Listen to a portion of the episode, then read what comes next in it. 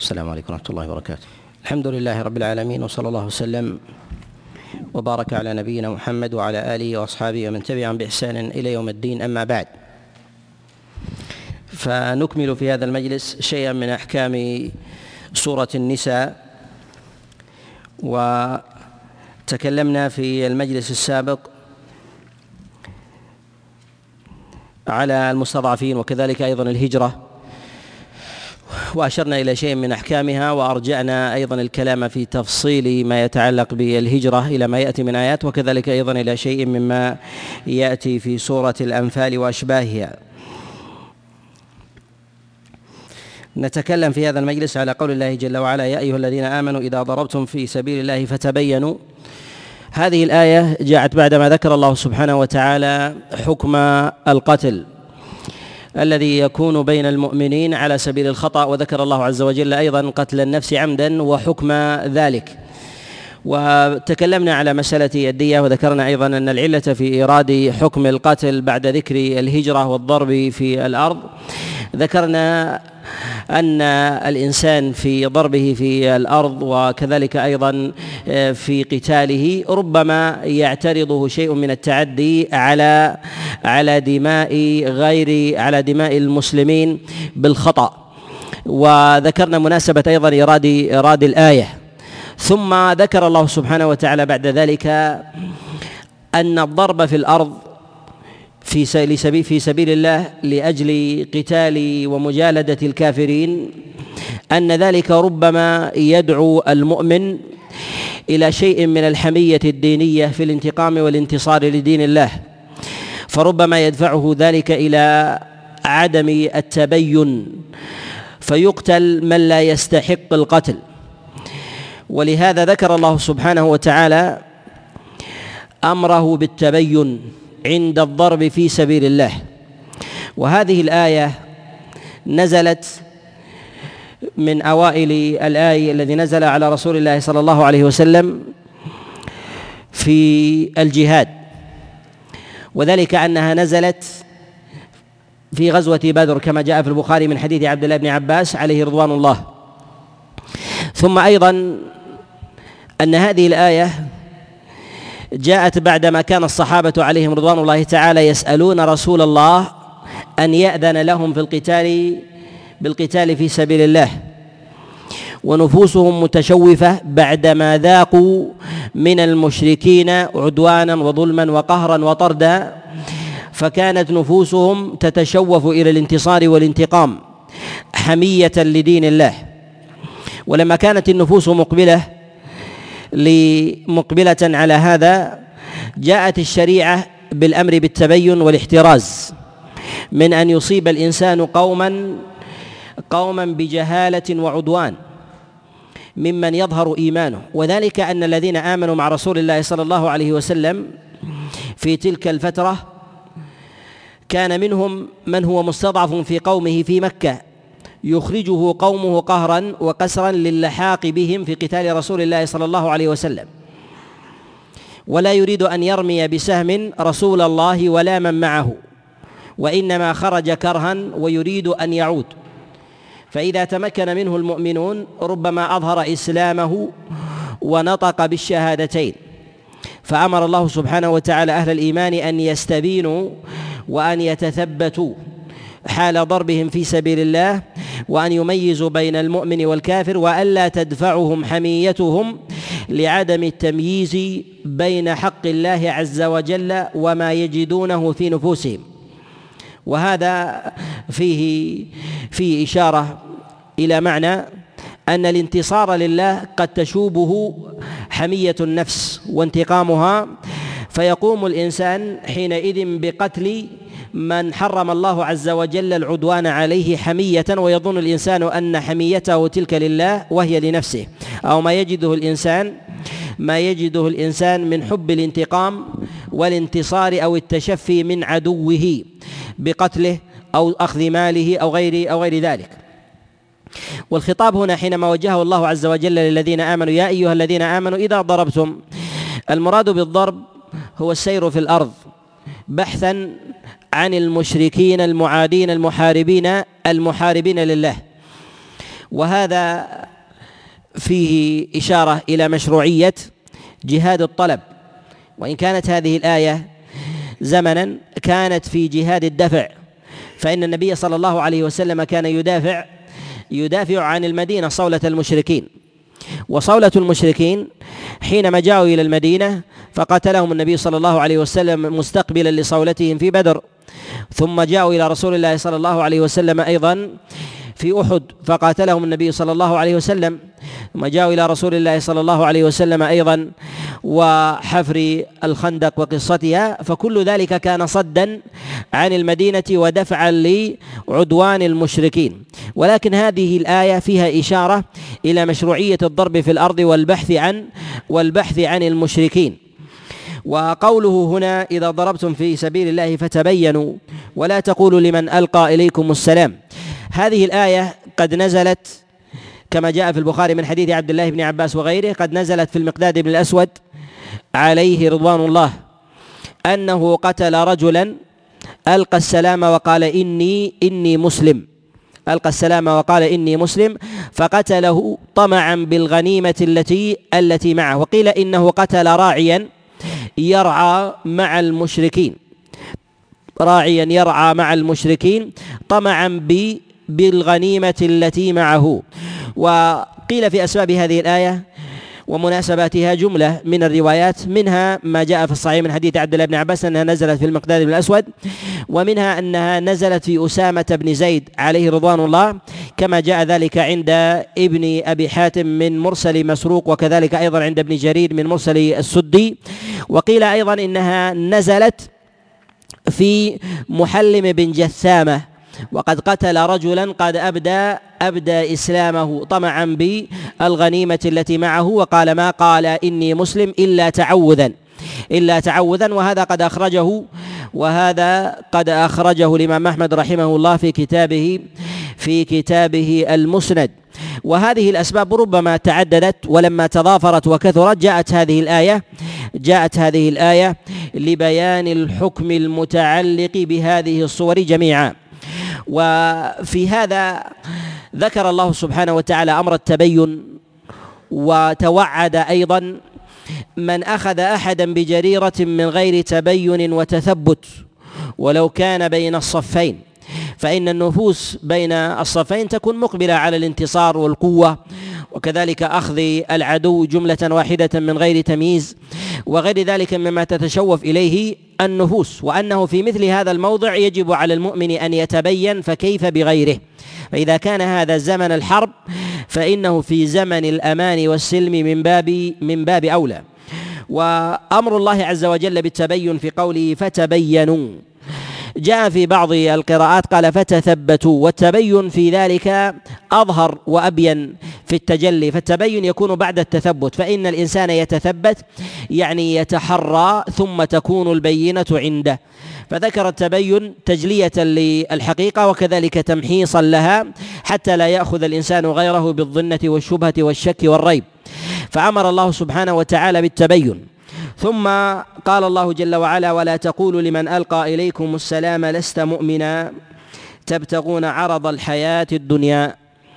في هذه الآية ذكر الله سبحانه وتعالى العلة التي لأجلها تدفع المقاتل في سبيل الله لقتل عدوه بالشبهه من غير تبين أن ذلك من عرض الدنيا وطمعا في الغنيمة. طمعا في الغنيمة. قد يكون ذلك طمعا في الغنيمة وقد يكون ذلك طمعا في السلطان الذي الذي يكون تحته. السلطان الذي يكون يكون تحته. قد يكون الإنسان في قتله لذلك وذلك لكونه اميرا أو كونه سيدا أو نحو ذلك. فعاذ بالإسلام فعاذ فعاذ بالإسلام. فيطمع بكسر شوكة المسلم في بكسر شوكة المشركين بقتل من أظهر الإسلام من من رؤوسهم. ولو أظهر ولو أظهر الإسلام في ذلك فأمر الله عز وجل بالتبين. وفي هذا أن الدنيا قد تدخل حتى قلب المجاهد بين الصفين.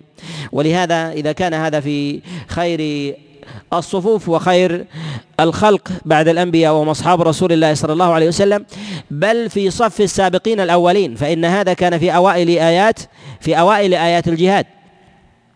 فكان ذلك فيهم تحذيرا من عرض الدنيا أن يقتل الإنسان أن يقتل الإنسان من يظن من يظن كفره وقد بان إسلامه.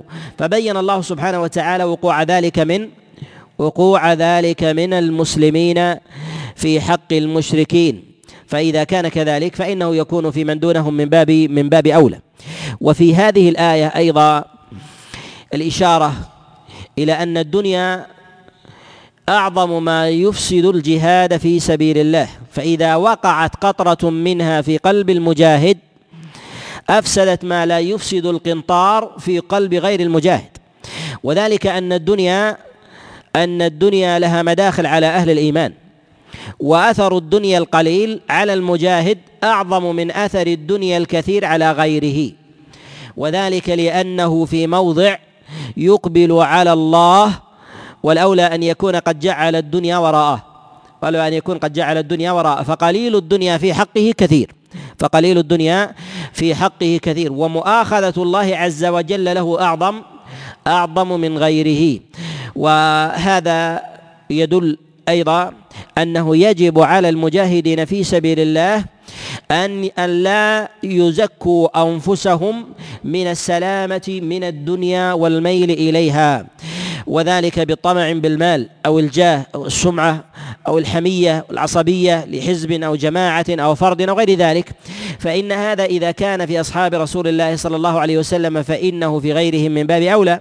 وقد روى ابن أبي شيبة وكذلك أيضا الإمام أحمد رحمه الله من حديث عبد الله بن مسعود عليه رضوان الله قال لو حلفت لا لبررت أنه لم يكن أحد من أصحاب رسول الله صلى الله عليه وسلم يوم أحد أحد يريد الدنيا حتى أنزل الله عز وجل قوله جل وعلا منكم من يريد الدنيا ومنكم من يريد الآخرة. فبين الله سبحانه وتعالى أن هذا يقع يقع في خير الصفوف وربما لا تراه الأعين من دقائق حظوظ النفس من أمر الدنيا فتنتصر النفس لحظها. ولو كان دقيقا من أمر الدنيا. وهذا أعظم ما يفسد الجهاد في سبيل الله من دقائقها.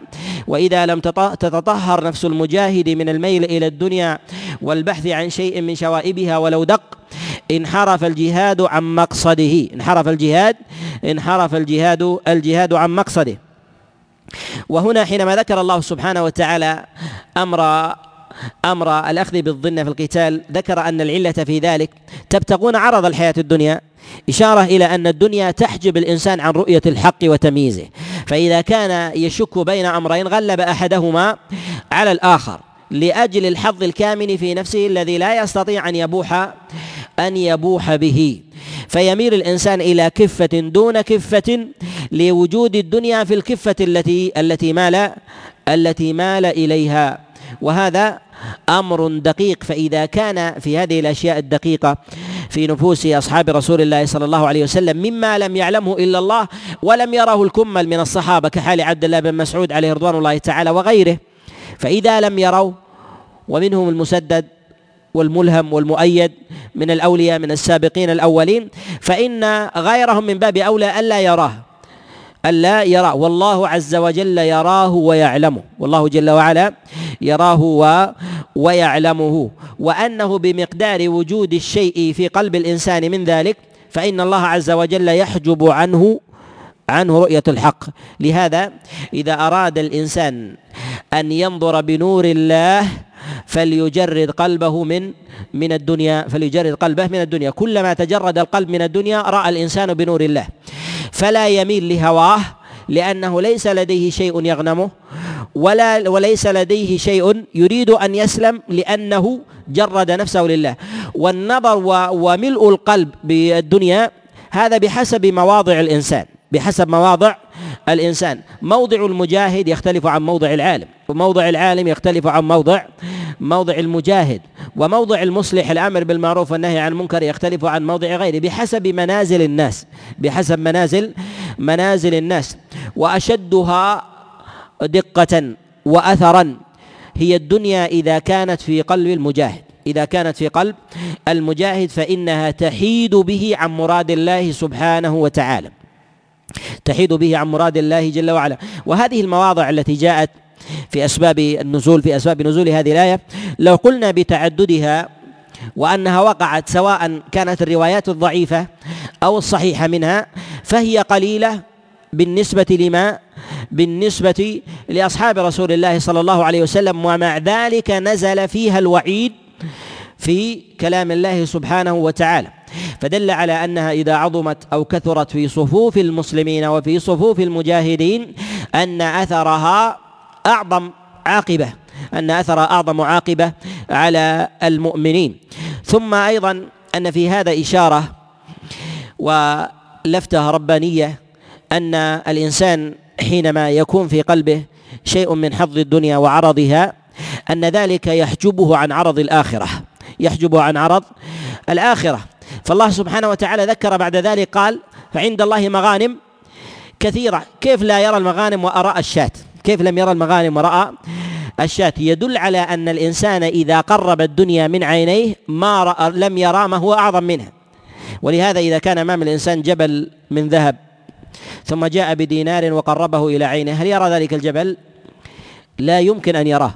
لا يمكن أن أن يراه. وهو وهو دينار. بل غير الدينار. لو جاء الإنسان بحصاة ووضعها على عينه وضع على عينه. لا يمكن أن يرى جبل الذهب. كذلك أيضا الدنيا. كلما قربها الإنسان من عينه وقلبه حجبت عنه أن يرى ما هو أعظم من ذلك.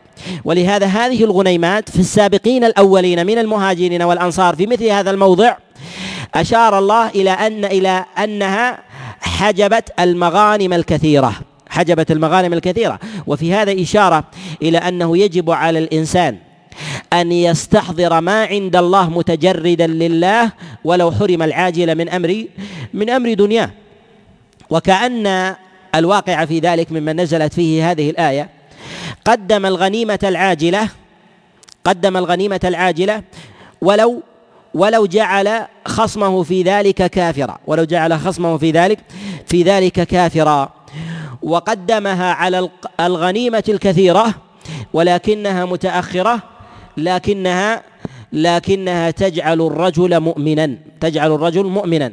فغلب الكفر عليه لغنيمة عاجلة لغنيمة عاجلة. وإنما يظهر التجرد هنا أن إيمانه مع عدم الغنيمة أعظم لك عند الله من كفره أعظم عند الله من كفره. ولهذا أمر الله سبحانه وتعالى بالتبين والتثبت والتحري عند التقاء التقاء الصفين. في قول الله جل وعلا لمن ألقى إليكم السلام. المراد بالسلام هو الإسلام. وليس المراد بذلك التحية أن يحيي الإنسان غيره بالسلام بالسلام عليكم ورحمة الله وبركاته. وإنما المراد بذلك هو ظهور الإسلام على لسانه. بمعانيه. إما أن يقول الإنسان إما أن يقول الكافر أشهد أن لا إله إلا الله وأن محمدا رسول الله. أو أن يقول أعبد الله وحده أعبد الله وحده ومحمد نبيه أو أن يقول الإنسان إني مسلم مثل إسلامكم. ولو لم ينطق الشهادتين فربما لا يعرف اللفظ الذي يدخل به الذي يدخل به الإسلام. ويستثنى من ذلك اللفظ الذي يطلقه الذي يطلقه الكافر. وكان يطلقه قبل ذلك. وكان يطلقه قبل قبل ذلك. أنه لا اعتبار به حتى يطلق من العبارات ما ينفي ما كان عليه ما ينفي ما كان ما كان عليه. وذلك أن اليهود والنصارى يسمون أنفسهم مؤمنين يسمون أنفسهم مؤمنين. فإذا قال إني مؤمن إني إني مؤمن لم يكن ذلك عاصما له. لم يكن ذلك عاصما عاصما له حتى ينطق بعبارة لا ينطقها من قبل ودلالتها في ذلك تتمحض بإسلامه بالدين المحمدي الحنيف بالدين المحمدي الحنيف. وإذا كان ينطق الإسلام قبل ذلك كبعض أهل الكتاب من كبعض الطوائف كاليهود وكذلك أيضا النصارى ربما أطلقوا على أنفسهم مسلمين. ربما أطلقوا على أنفسهم مسلمين فيقولون نحن مسلمون نحن مسلمون. فإذا عهد أنهم يطلقونها قبل ذلك لم يكن ذلك معتبرا لم يكن ذلك معتبرا. حتى يطلقوا من العبارات ما يفهم معها ما يفهم معها ظهور الإسلام. ظهور الإسلام. ولو كانت عبارة ليست إسلامية. وينتبه لهذا. ولو كانت عبارة ليست إسلامية. كيف يكون هذا ليست عبارة إسلامية؟ نقول كل ما دل باليقين. كل ما دل باليقين. على مقصد الإنسان. ولو أخطأ فيه. ولو أخطأ فيه. على أنه أراد الإسلام دخل دخل بالإسلام. دخل في الإسلام. وذلك ما جاء في حديث عبد الله بن عمر وغيره أن خالد بن الوليد عليه رضوان الله تعالى لما بعثهم النبي صلى الله عليه وسلم إلى جديمة أسر خالد بن الوليد عليه رضوان الله تعالى بعض المشركين فقالوا صبأنا صبأنا قالوا صبأنا صبأنا. ومعنى صبأنا عند المشركين يعني أسلمنا. هذه العبارة هي العبارة صحيحة؟ إسلامية ليست عبارة إسلامية صحيحة ولكنهم لا يحفظون العبارة التي يدخلون بها الإسلام. وإنما قومهم يعيرون الرجل الذي يدخل في الإسلام يقال فلان صبأ فلان صبأ. ومع ذلك النبي صلى الله عليه وسلم لام خالدا عليه رضوان الله تعالى في قتلهم لأنهم ما وجدوا إلا هذه العبارة بالدخول بالدخول فيها. فإذا نطق نطقوا شيئا من ذلك فيدخل في هذا فيدخل حينئذ الإسلام. وبهذا نعلم أن من من يطلق العبارات الخاطئة ونعلم من مقصده أنه يقصد العبارات الصحيحة ولا يقصد المعنى الخاطئ أنه لا لا يكفر بذلك ولو تضمنت الكلمة بعض المعاني الكفرية بعض المعاني الكفرية حتى حتى يبين ذلك له حتى يبين ذلك له. فالرجل حينما يكون في وسط المسلمين ويعرف المسلمين ويسمي المسلمين الصابئة والرجل منهم يقول له صبأ. هذه كلمة كفر أو كلمة إيمان؟ كلمة كفر. لا يسمى المسلمون بالصابئة ولا يسمى المسلم بالصابئ. ولكن لما كان هو في الكفر وقال أنا صابئ حملت على معنى آخر يختلف. حملت على معنى آخر يختلف. ولهذا بعض عوام المسلمين والجهلة الذين يطلقون بعض العبارات الذين التي لا يدركون معناها وإنما يريدون شطرها. كالذي يقول مثلا نحن نطالب بالحرية. يقول نحن نطالب بالحرية. هو يريد معنى رفع الاستبداد والظلم. يريد معنى رفع الاستبداد والظلم. لماذا؟ لأنه جاء بها في سياق رفع ظالم كان عليه. وما قالها في وجه الإسلام وما قالها في وجه الإسلام. ولكن لو قالها وهو في دائرة الإسلام وبين المسلمين ومحكوم بالإسلام وقال نريد الحرية حملت على معنى حملت على معنى آخر. كذلك أيضا الشعوب الذين يستبد عليهم بالرأي والحكم ويظلمون ويقهرون وتسلب أموالهم وخيراتهم وغير ذلك فإطلاقهم لكلمة الديمقراطية تختلف عن إطلاق بعض المسلمين الذين يحكمون بالإسلام لهذه اللفظة. فذاك أراد بهذه العبارة الخروج على ظالم وهذا أراد بها الخروج على على الإسلام. فتحمل بسياقها ويبين له أن هذه اللفظة لفظة عامة يشترك فيها الخطأ والصواب والخير والشر والكفر والإيمان. والكفر والإيمان. ولهذا تؤخذ بحسب بحسب مواضعها. تؤخذ بحسب المواضع وبحسب السياقات. وهذه كعبارة صبأنا التي جعلها النبي صلى الله عليه وسلم دلالة على إسلامهم مع أنهم ما نطقوا الشهادتين لأنهم كانوا في كفر فأرادوا أن يستدلوا بها على خروجهم من الكفر إلى الإسلام وما قالوها وهم مسلمون حتى يفهم منهم أنهم أرادوا الخروج من الإسلام إلى إلى الكفر. لهذا ينبغي أن يفرق بين العبارات المشتركة التي تطلق التي يطلقها الناس بحسب أحوالهم وما يعيشون. يفهم مرادهم منها يفهم مرادهم مرادهم منها. وهذا من التبين أيضا الذي أمر الله سبحانه وتعالى آمر الله سبحانه وتعالى به. وهنا في قوله جل وعلا ولا تقولوا لمن ألقى إليكم السلام لست مؤمنا تبتغون عرض الحياة الدنيا فعند الله مغانم كثيرة كذلك كنتم من قبل. أعاد الله جل وعلا بعد ذلك الأمر بالتبين. قال فمن الله عليكم فتبينوا ذكر الله التبين في هذه الآية في في موضعين. إذا ضربتم في سبيل الله فتبينوا. فمن الله عليكم فتبينوا. يقول سعيد بن جبير عليه رحمة الله قال وعيد من الله مرتين. وعيد من الله مرتين.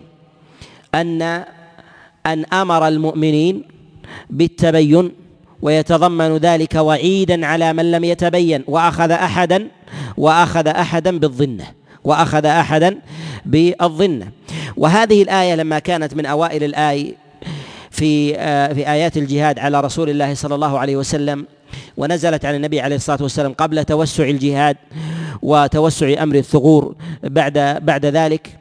ونزلت أيضا في على رسول الله صلى الله عليه وسلم ومن حوله أيضا العلية من الصحابة من السابقين الأولين من المهاجرين والأنصار إشارة إلى عظم الدم المعصوم وأن الله سبحانه وتعالى عصم الدم وعذر الناس لضعفهم عذر الناس لضعفهم.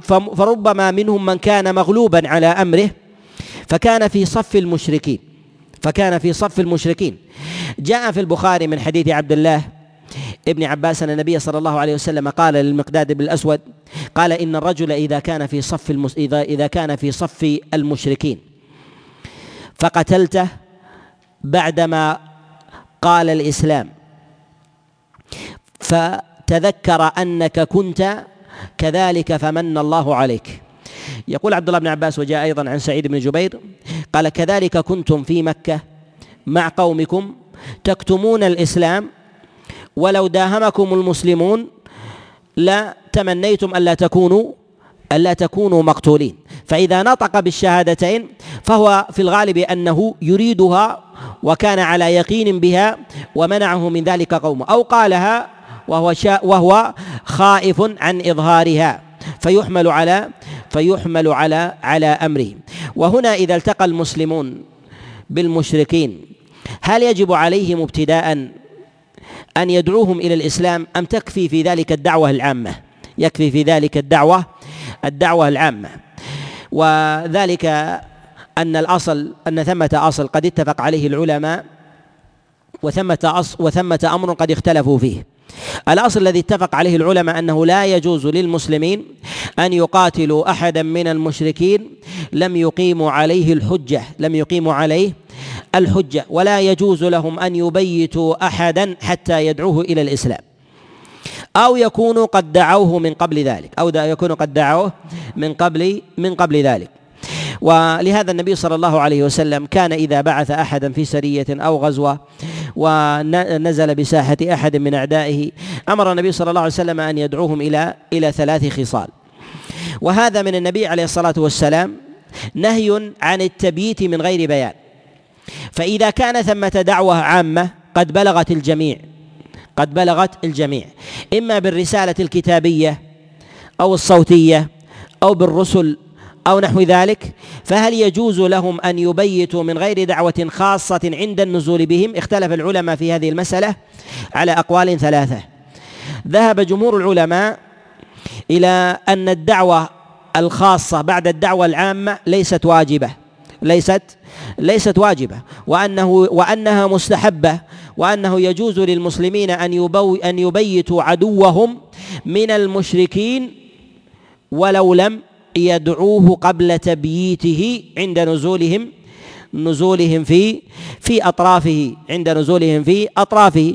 قالوا وأما الحث على دعوتهم إلى الخصال فذلك على الاستحباب فذلك على الاستحباب لا لا على الوجوب. فمن بلغته الدعوة العامة وأقيمت عليه الحجة وأمر بدخول الإسلام وأمر بدخول الإسلام. فلم يدخل قالوا فيجوز تبييته ولا يجب حينئذ دعوته عند النزول عند النزول عليه.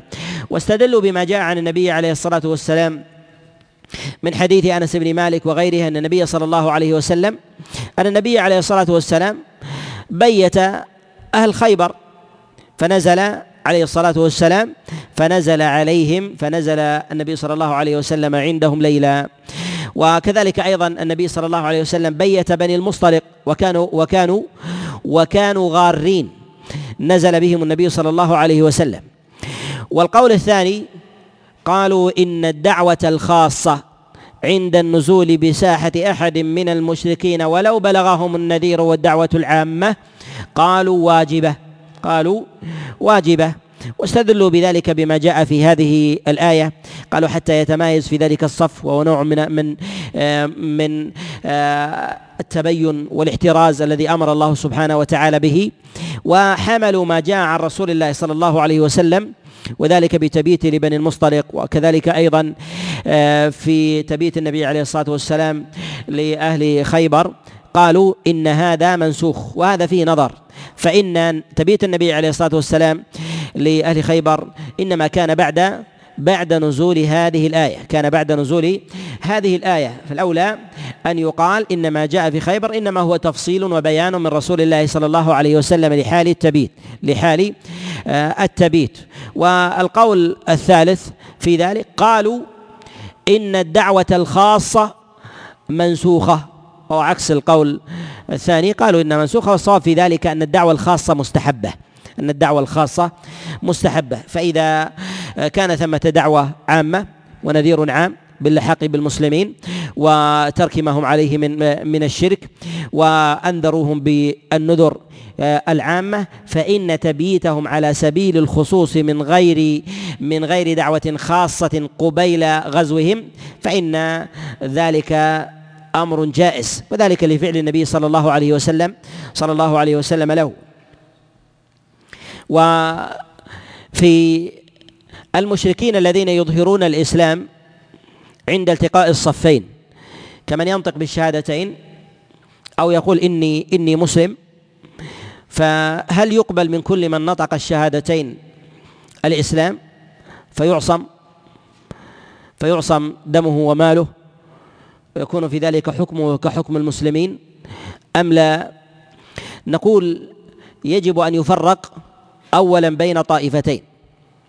الطائفة الأولى التي تنطق الشهادتين أصلا ولكنها ولكن ولكن قتالها إنما على معنى الشهادتين لا على النطق بها. وذلك كبعض الطوائف الباطنية الذين يقاتلون مع أنهم ينطقون الشهادتين وقتالهم لا على لفظها وإنما على معناها وإنما على على معناها. فهؤلاء لا يؤخذ بنطقهم للشهادتين عند التقاء الصفين عند التقاء الصفين لأنهم ينطقونها قبل ذلك لأنهم ينطقونها قبل ذلك. وهذا من جنس قول اليهود والنصارى نحن مؤمنون نحن مسلمون لأنهم ينطقونها قبل ذلك ويعدونها على معنى مختلف. على معنى مختلف. ولو جاء أحد من المشركين أو من اليهود من غير قتال فجاء فقال إني مسلم أو إني مؤمن أو أريد الإسلام واريد الإيمان لحمل على معنى على معنى آخر. الطائفة الثانية ممن لا يقول ولا يتدين بالنطق بالشهادتين ويعلم أنه إن نطقها فإنه يريد معناها فإنه يريد يريد معناه. فهذا يؤخذ منه يؤخذ منه النطق وتعصمه تلك اللفظة وتعصمه تلك تلك اللفظة. وهذا وهذا بخلاف من نطقها بعد أسره ويفرق بين اللقاء والمواجهة وبين الأسر. فمن وقع في الأسر فلا فلا يعتد بنطقه للشهادتين ويجري عليه في ذلك ما يكون من حكم حكم الأسرى فيكون في ذلك عليه من حكم من حكم الأسرى من الرق فيرق ولو كان ولو كان مسلما لأنه قد وقع في الأسر كافرا قد وقع في الأسر كافرا وإسلامه جاء بعد رقه وإسلامه جاء بعد بعد رقه. إسلامه جاء بعد رقه ويكون في ذلك من جملة من جملة موالي من جملة موالي المسلمين. وهنا في قول الله سبحانه وتعالى فمن الله عليكم ذكر الله سبحانه وتعالى المؤمنين الذين كانوا مع رسول الله صلى الله عليه وسلم أن يتذكروا حالهم قبل ذلك. وهذا من المعاني الجليلة في في ضبط النفس وكذلك كسر شوكة الكبر وسورتها في نفس الإنسان. فإن الإنسان ربما دخل في الإسلام أو دخل في الإيمان أو ازداد صلاحا أو ازداد هداية فحمله ذلك إلى إلى التغافل أو التناسي أو نسيان ما كان عليه ما كان عليه إما من كفر أو من فسق أو من جهل أو من عصيان.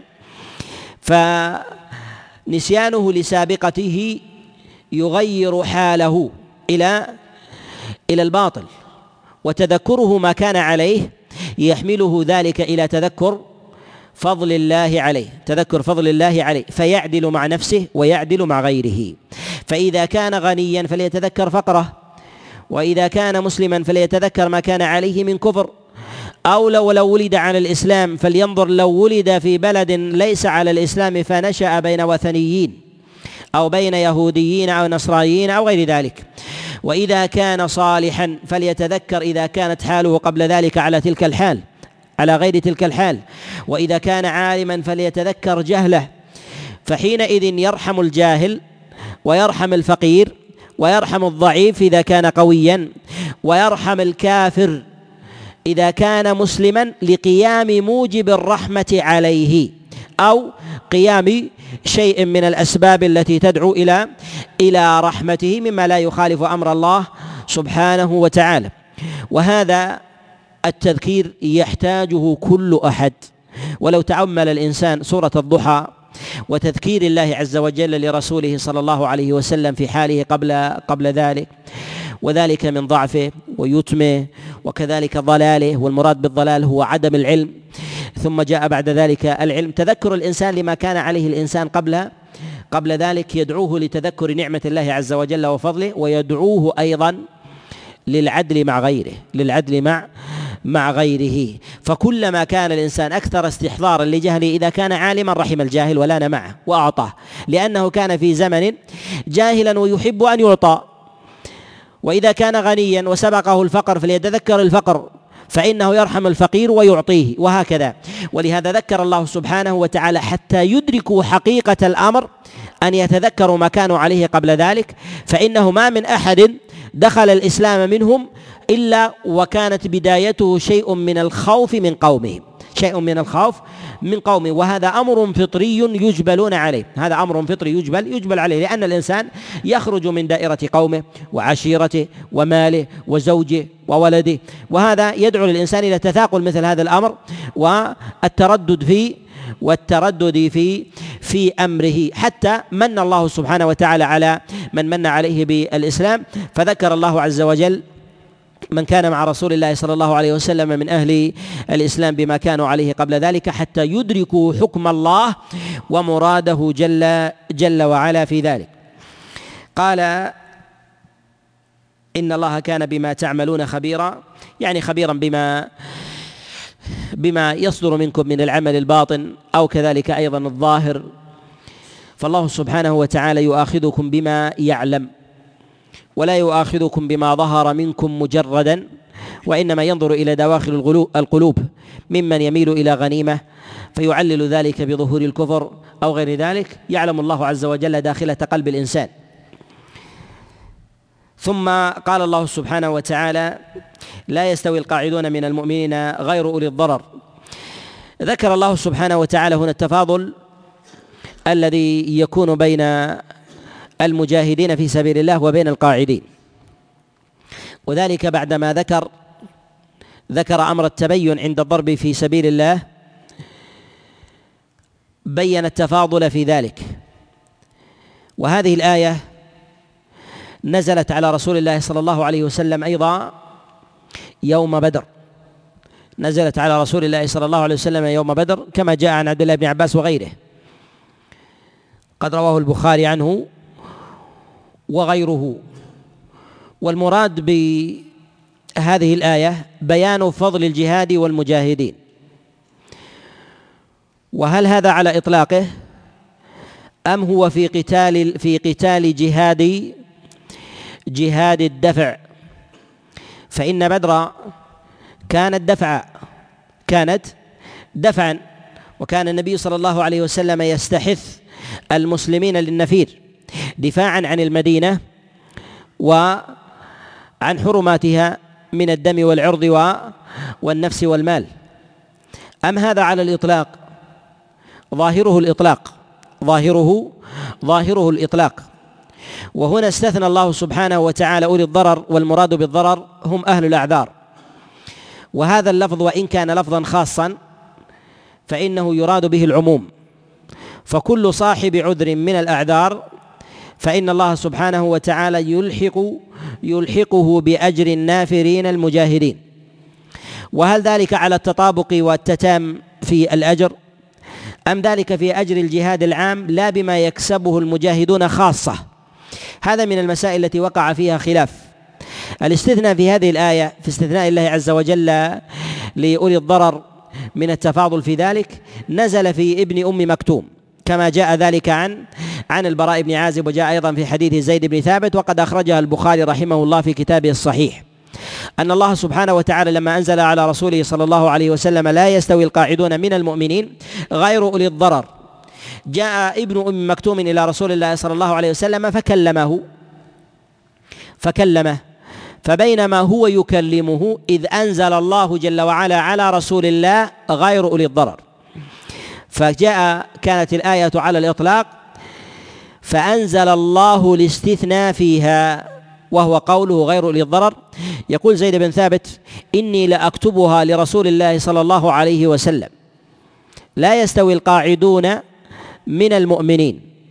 قال فجاء ابن أم مكتوم إلى رسول الله صلى الله عليه وسلم فأخذ يكلمه وإن فخذي تحت فخذ رسول الله صلى الله عليه وسلم فثقلت حتى خشيت أن ترض. ثم فإذا الوحي ينزل على رسول الله صلى الله عليه وسلم فقال لي النبي صلى الله عليه وسلم اكتب غير أولي الضرر غير أولي الضرر. قال فكتبتها. وهذا رحمة من الله سبحانه وتعالى ومنه. أن جعل أهل العذر في ذلك من قام عذره بعدم النفير أن يأخذ أجر المجاهد في سبيل الله. ولما ذكر الله سبحانه وتعالى عدم التساوي هنا ذكر أن القاعدين مؤمنين وهذا مما لا خلاف فيه أن القاعدة حتى في زمن النفير ووجوبه على الأعيان أن قعوده عن الجهاد إثم لا يكفر به. أن قعوده عن الجهاد إثم لا يكفر لا يكفر به. لأن الله سبحانه وتعالى سماه سماه مؤمنا سماه مؤمنا. ولا يختلف العلماء لا يختلف العلماء في ذلك. وفي هذه الآية ذكر الله سبحانه وتعالى عدم التساوي. ذكر الله عز وجل عدم التساوي واستثنى غير أولي الضرر. فهل أهل الأعذار يطابقون المجاهدين في سبيل الله؟ أم المطابقة في ذلك نسبية؟ اختلف العلماء في هذه المسألة على قولين. ذهب جماعة من السلف إلى أن القاعدة المعذور يساوي المجاهد في سبيل الله على السواء.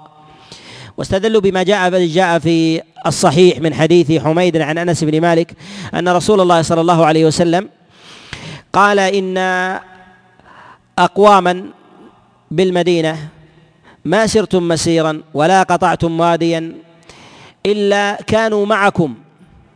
قالوا يا رسول الله وهم بالمدينة؟ قال وهم بالمدينة حبسهم العذر. قالوا وفي ذلك ذكر النبي صلى الله عليه وسلم التساوي إشارة إليه. قال معكم يعني كما لو كانوا يصيبون ما أصابكم ويسيرون سيركم.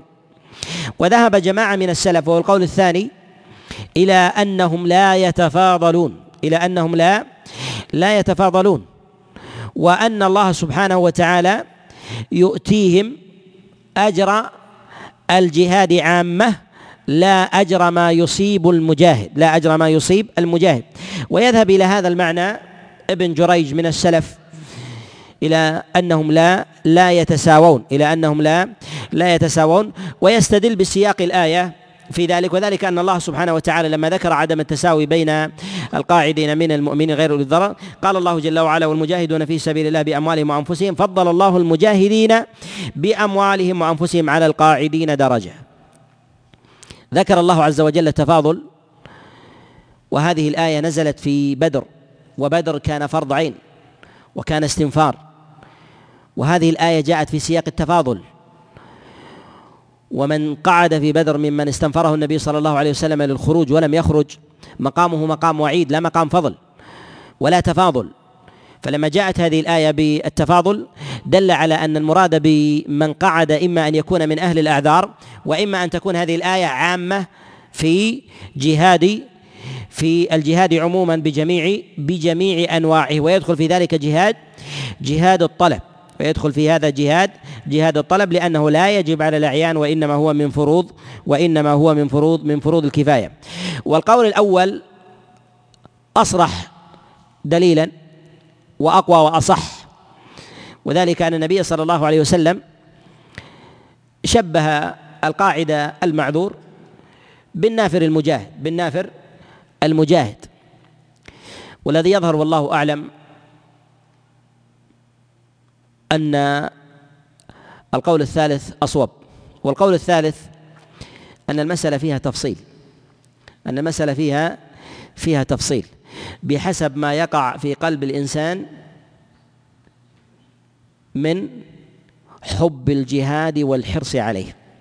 فالإنسان المعذور الذي يفرح بعذره يختلف عن الإنسان المعذور الذي يتأمل يتألم لعذره ويتمنى ويتمنى أن لو خرج في سبيل الله. ثم أيضا أن الإنسان الذي يجد شدة في ورود العذر العذر عليه يختلفون مرتبة والله أعلم بما في قلوبهم. وأننا وإننا نقول إن القاعد المعذور ربما يؤتى أفضل من أجر المجاهد للتباين الذي وقع في قلوبهم للتباين الذي وقع في قلوبهم. وذلك أنه وجد شدة وذلك الذي وجد شدة وألما وفاضت عينه ألا يجد ألا يجد ما يحمل عليه مثلا فمنعه ذلك من من النفير. أو تأسف على ورود العذر عليه بعدم وجود النفقة. أو كذلك أيضا لعرجه أو مرضه أو نحو ذلك فوجد من ذلك شدة. وهذا أفضل ممن خرج ولم يكن قاعدا ولكن شابت نيته شائبة الرياء. شائبة الرياء أو غلب جانب الغنيمة على غنيمة الآخرة أو غير ذلك من من الأمور القلبية من الأمور القلبية. ولكن إذا كمل في قلب الإنسان الحرص على الجهاد وكان الإنسان معذورا قارب المجاهد إذا كان إذا كان تام القصد إذا كان تام تام القصد. وهذا هو الأظهر وهو الذي يتفق يتفق عليه تتفق عليه الأدلة. وذلك أن الله سبحانه وتعالى جعل درجات المجاهدين وهم نافرون في سبيل الله على مراتب على مراتب. فكذلك أيضا القاعدون على مراتب القاعدون على مراتب في حال في حال العذر. وهنا ذكر الله سبحانه وتعالى تفضيله للمجاهدين بأموالهم وأنفسهم. فضل الله المجاهدين بأموالهم وأنفسهم على القاعدين درجة. وهذا يؤكد ما أشرنا إليه أن المجاهدين منهم من يجاهد بنفسه ومنهم من يجاهد بماله. فمن جاهد بنفسه وماله قولا واحدا أنهم أفضل من القاعد ولو كان حريصا لأنه زاد هذا بخروجه بماله وذاك عذر بنفسه فقط وذاك عذر بنفسه. فإذا قابله من عذر بنفسه وجاهد بماله ساوى من خرج بنفسه ليس بمعذور وأنفق وأنفق ماله وهكذا. ثم قال الله سبحانه وتعالى وكلا وعد الله الحسنى وفضل الله المجاهدين على القاعدين أجرا عظيما درجات منه ومغفرة. درجات المجاهدين. جاء في الصحيحين من حديث أبي سعيد الخدري أن رسول الله صلى الله عليه وسلم قال إن الله أعد للمجاهدين مئة درجة. ما بين الدرجة والأخرى كما بين السماء والأرض. وهي أيضا فيما بينها درجات. الدرجة الواحدة درجات. ولهذا قد جاء في حديث شرحبيل بن الصمت آه، عن كعب بن مرة عند الإمام أحمد في المسند وجاء أيضا من حديث أبي عبيدة بن عبد الله بن مسعود عن أبيه أن النبي صلى الله عليه صلى الله عليه وسلم قال مر ما بسهم بلغ به عدوا كتب الله له بها درجة. قال رجل النبي عليه الصلاة والسلام وما الدرجة؟ قال عليه الصلاة والسلام ليست درجة عتبة أمك وإنما كما بين السماء والأرض كما بين السماء والأرض. وهذا إشارة إلى أن أيضا الدرجات تتباين آه، تتباين فيها. وذلك لأن الجهاد في ذاته يتباين الجهاد في ذاته يتباين. وذلك أن غزوة البحر تختلف عن غزوة البر. وقد جاء النبي عليه الصلاة والسلام من حديث جماعة من الصحابة أن غزوة في البحر تعدل عشر غزوات في البر. وجاء ذلك من طرق عن النبي صلى الله عليه وسلم بأحاديث آه، متعددة. وأيضا آه، قد جاء في قول النبي عليه الصلاة والسلام أن المجاهد المائج في البحر كالمتشحط في دمه في البر. فالجهاد في ذلك مراتب فثمة جهاد دفع وثمة جهاد طلب. ومنهم من يجاهد يوما ومنهم من يجاهد اياما منهم من يجاهد آه، دفع منهم من يجاهد آه، دفعا عن دينه ومنهم من يجاهد دفعا عن ماله ومنهم من يجاهد دفعا عن عرضه ومنهم من يجاهد دفعا عن نفسه. فهذه كلها لها مراتب في في الشريعة. ومنهم من يجاهد عن بلده وعن بلده يجاهد عن بلد عن بلد فاضل.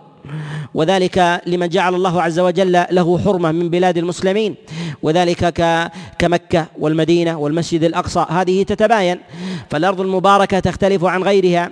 وكذلك أيضا من يجاهد آه، من يجاهد الأعداء فإنهم يتباينون. أعداء في داخل دائرة الإسلام قتال الخوارج يختلف عن قتال البغاة. أيضا الطوائف في ذاتها قتال اليهود يختلف عن قتال النصارى لشدة أعداء اليهود. قتال المشركين يختلف عن قتال أهل الكتاب. والأجر في ذلك والأجر في ذلك على على مرات فإذا تباينت في صورتها وأنواعها ولو اختلف زمانها فإنها كذلك أيضا تتباين أثرا على المجاهدين في الآخرة بحسب حالها. فإذا كانت درجة من الدرجات جعلها النبي صلى الله عليه وسلم لمن رمى بسهم يبلغ به عدوا فكيف الذي يرمي سهام؟ آه، كثيرة. فكيف الذي يبقى أياما أو أسابيع أو شهورا نحو ذلك؟ هذه على على مراتب.